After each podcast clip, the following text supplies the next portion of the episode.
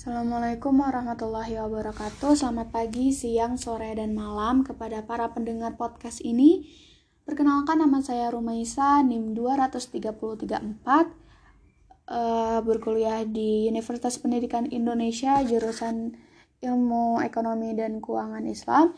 Dan hari ini podcast ini saya buat untuk memenuhi tugas dari mata kuliah Ekonomi Makro Islam dan uh, sebagai membagikan wawasan dan ilmu yang bermanfaat kepada para pendengar podcast ini.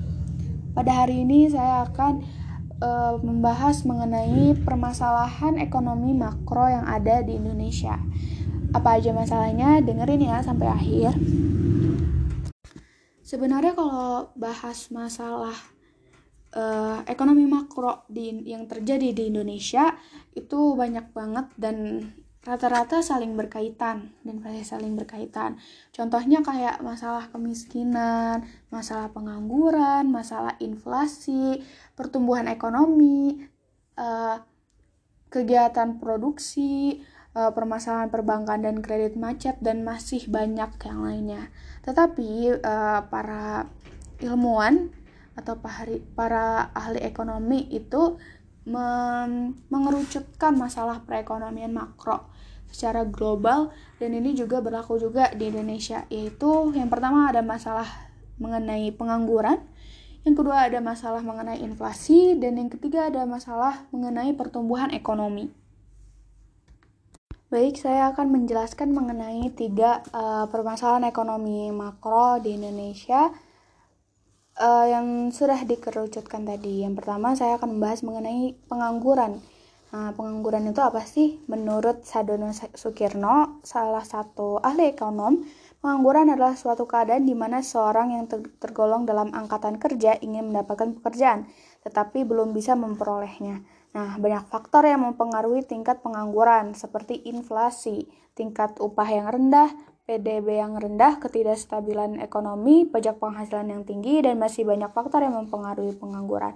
Nah, faktor-faktor tadi juga merupakan uh, permasalahan uh, makro di Indonesia.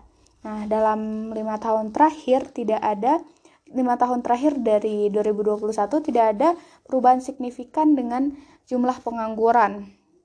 Akan tetapi pada 2020 uh, tahun dengan jumlah pengangguran tertinggi karena adanya uh, COVID-19 yaitu sebanyak 7,07 persen dikarenakan pandemi di saat perbaikan ekonomi dilakukan pada tahun 2021 atau tahun kemarin angka pengangguran itu menjadi 6,49 untuk jenis-jenis pengangguran itu ada enam. Yang pertama ada pengangguran siklis, pengangguran friksional, yang ketiga ada pengangguran struktural, yang keempat ada pengangguran penuh, yang kelima ada setengah pengangguran, dan yang terakhir ada pengangguran sukarela. Selanjutnya adalah masalah inflasi. Nah, inflasi adalah kenaikan harga secara konsisten dan terus-menerus yang akan menyebabkan uh, inflasi. Secara sederhana, dalam inflasi ada kenaikan umum dalam harga barang dan jasa dari waktu ke waktu. Inflasi itu menyebabkan peningkatan rata-rata harga produk dan jasa sehingga perekonomian tidak mencapai tujuan stabilitas. Nah, uh, tinggi besar tinggi atau rendahnya inflasi ini diukur dari indeks harga konsumen atau harga yang berlaku di masyarakat. Uh, selama 10 tahun terakhir, dari tahun ini dari tahun 2011 sampai 2021 tingkat inflasi tertinggi di Indonesia terjadi pada tahun 2013 yaitu sebesar 8,38 persen, sedangkan tingkat inflasi terendah ada pada tahun 2020 yaitu 1,68 persen. Rata-rata inflasi selama 10 tahun yaitu sebanyak uh, eh, 4,02 persen. Mengapa pada tahun 2020 inflasi sangat kecil karena daya beli masyarakat juga menurun uh, diakibatkan oleh kegiatan perekonomian yang dibatasi oleh perat, oleh kebijakan-kebijakan pemerintah. Nah, inflasi ini uh, adalah salah satu masalah ekonomi makro yang uh, tidak pernah lepas gitu dari Indonesia. Namun uh, Sampai saat ini Indonesia tidak pernah mengalami inflasi yang parah. Jadi uh, inflasinya masih tergolong ke dalam inflasi yang kecil atau rendah. Ada beberapa dampak negatif dari inflasi. Yang pertama itu menunjukkan gangguan terhadap fungsi uang, terutama terhadap fungsi tabungan, fungsi dari pembayaran yang di muka, dan fungsi unit perhitungan. Yang kedua, uh, dampak negatifnya yaitu melemahkan sikap menabung dan meningkatnya konsumsi belanja khususnya produk non primer. Yang ketiga ada mengarahkan investasi kepada non produktif seperti tanah atau bangunan, logam mulia dan mata uang asing. Dan yang terakhir ada menyebabkan masalah-masalah akuntansi yang lainnya. Nah, dalam Islam, eh, inflasi ini digolongkan menjadi dua. Yang pertama ada inflasi karena kurangnya persediaan barang dibandingkan meningkatnya kebutuhan barang atau e, bisa disebut juga dengan natural inflation. Yang kedua ada inflasi karena kesalahan manusia. Contohnya seperti e, korupsi atau e, penimbunan penimbunan barang-barang pokok. Nah, ternyata ada hubungannya nih ya antara inflasi dengan pengangguran. Nah, tingkat inflasi mempunyai hubungan positif atau negatif terhadap jumlah pengangguran yang berpengaruh pada jumlah pengangguran tinggi karena rendahnya kesempatan kerja sebagai akibat dari rendahnya investasi.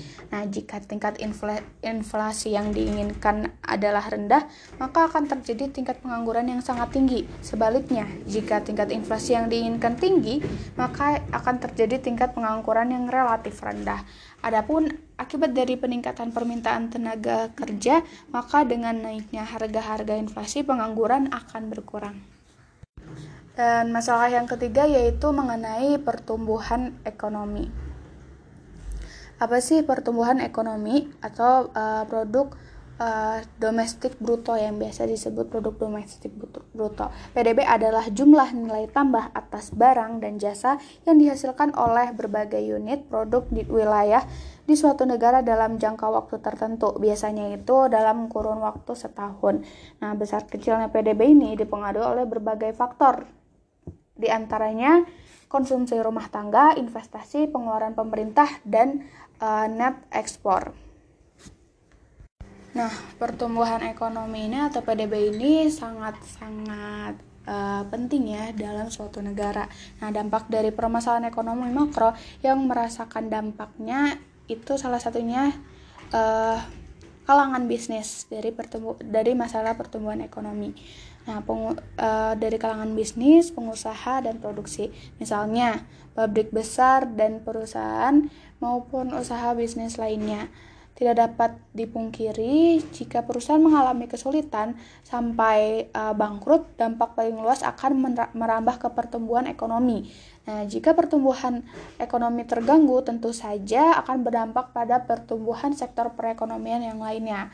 Contohnya, uh, yang paling hangat adalah yang yang kita rasakan tahun kemarin mungkin sampai saat ini kasus uh, masker akibat pandemi corona karena virus COVID-19 harga karena virus COVID-19 harga itu semakin melambung tinggi. Masyarakat itu rela berdesak-desakan untuk membeli masker sekalipun dengan harga yang sangat tinggi. Pihak penjual pun memanfaatkan momen ini untuk meraup keuntungan 3 bahkan 4 kali lipat dari hari biasa. Sedangkan dari pihak pabrik tidak bisa memproduksi masker dengan permintaan yang sangat tinggi dalam waktu singkat. Alasannya tentu saja dari segi operator karyawan, tingginya permintaan masker, dan didukung dengan pembelian bahan pokok untuk memproduksi masker. Nah, itulah tiga masalah uh, utama ekonomi makro di Indonesia. Dan masalah-masalah lainnya seperti terjadinya krisis nilai uh, uang terhadap utang luar negeri. Terus uh, ada juga kekalahan daya saing. Dan masih banyak uh, lagi um, ek masalah ekonomi makro yang lainnya. Saya rasa cukup untuk pembahasan materi mengenai permasalahan ekonomi makro di Indonesia. Uh, saya meminta maaf atas kekurangan uh, dari materi yang saya sampaikan karena kebenaran, kebenaran itu hanyalah milik Allah dan kesalahan itu datang dari saya sendiri dan datang dari syaitan. Uh, Saya ucapkan terima kasih kepada para pendengar podcast ini. Semoga bermanfaat. Wassalamualaikum warahmatullahi wabarakatuh.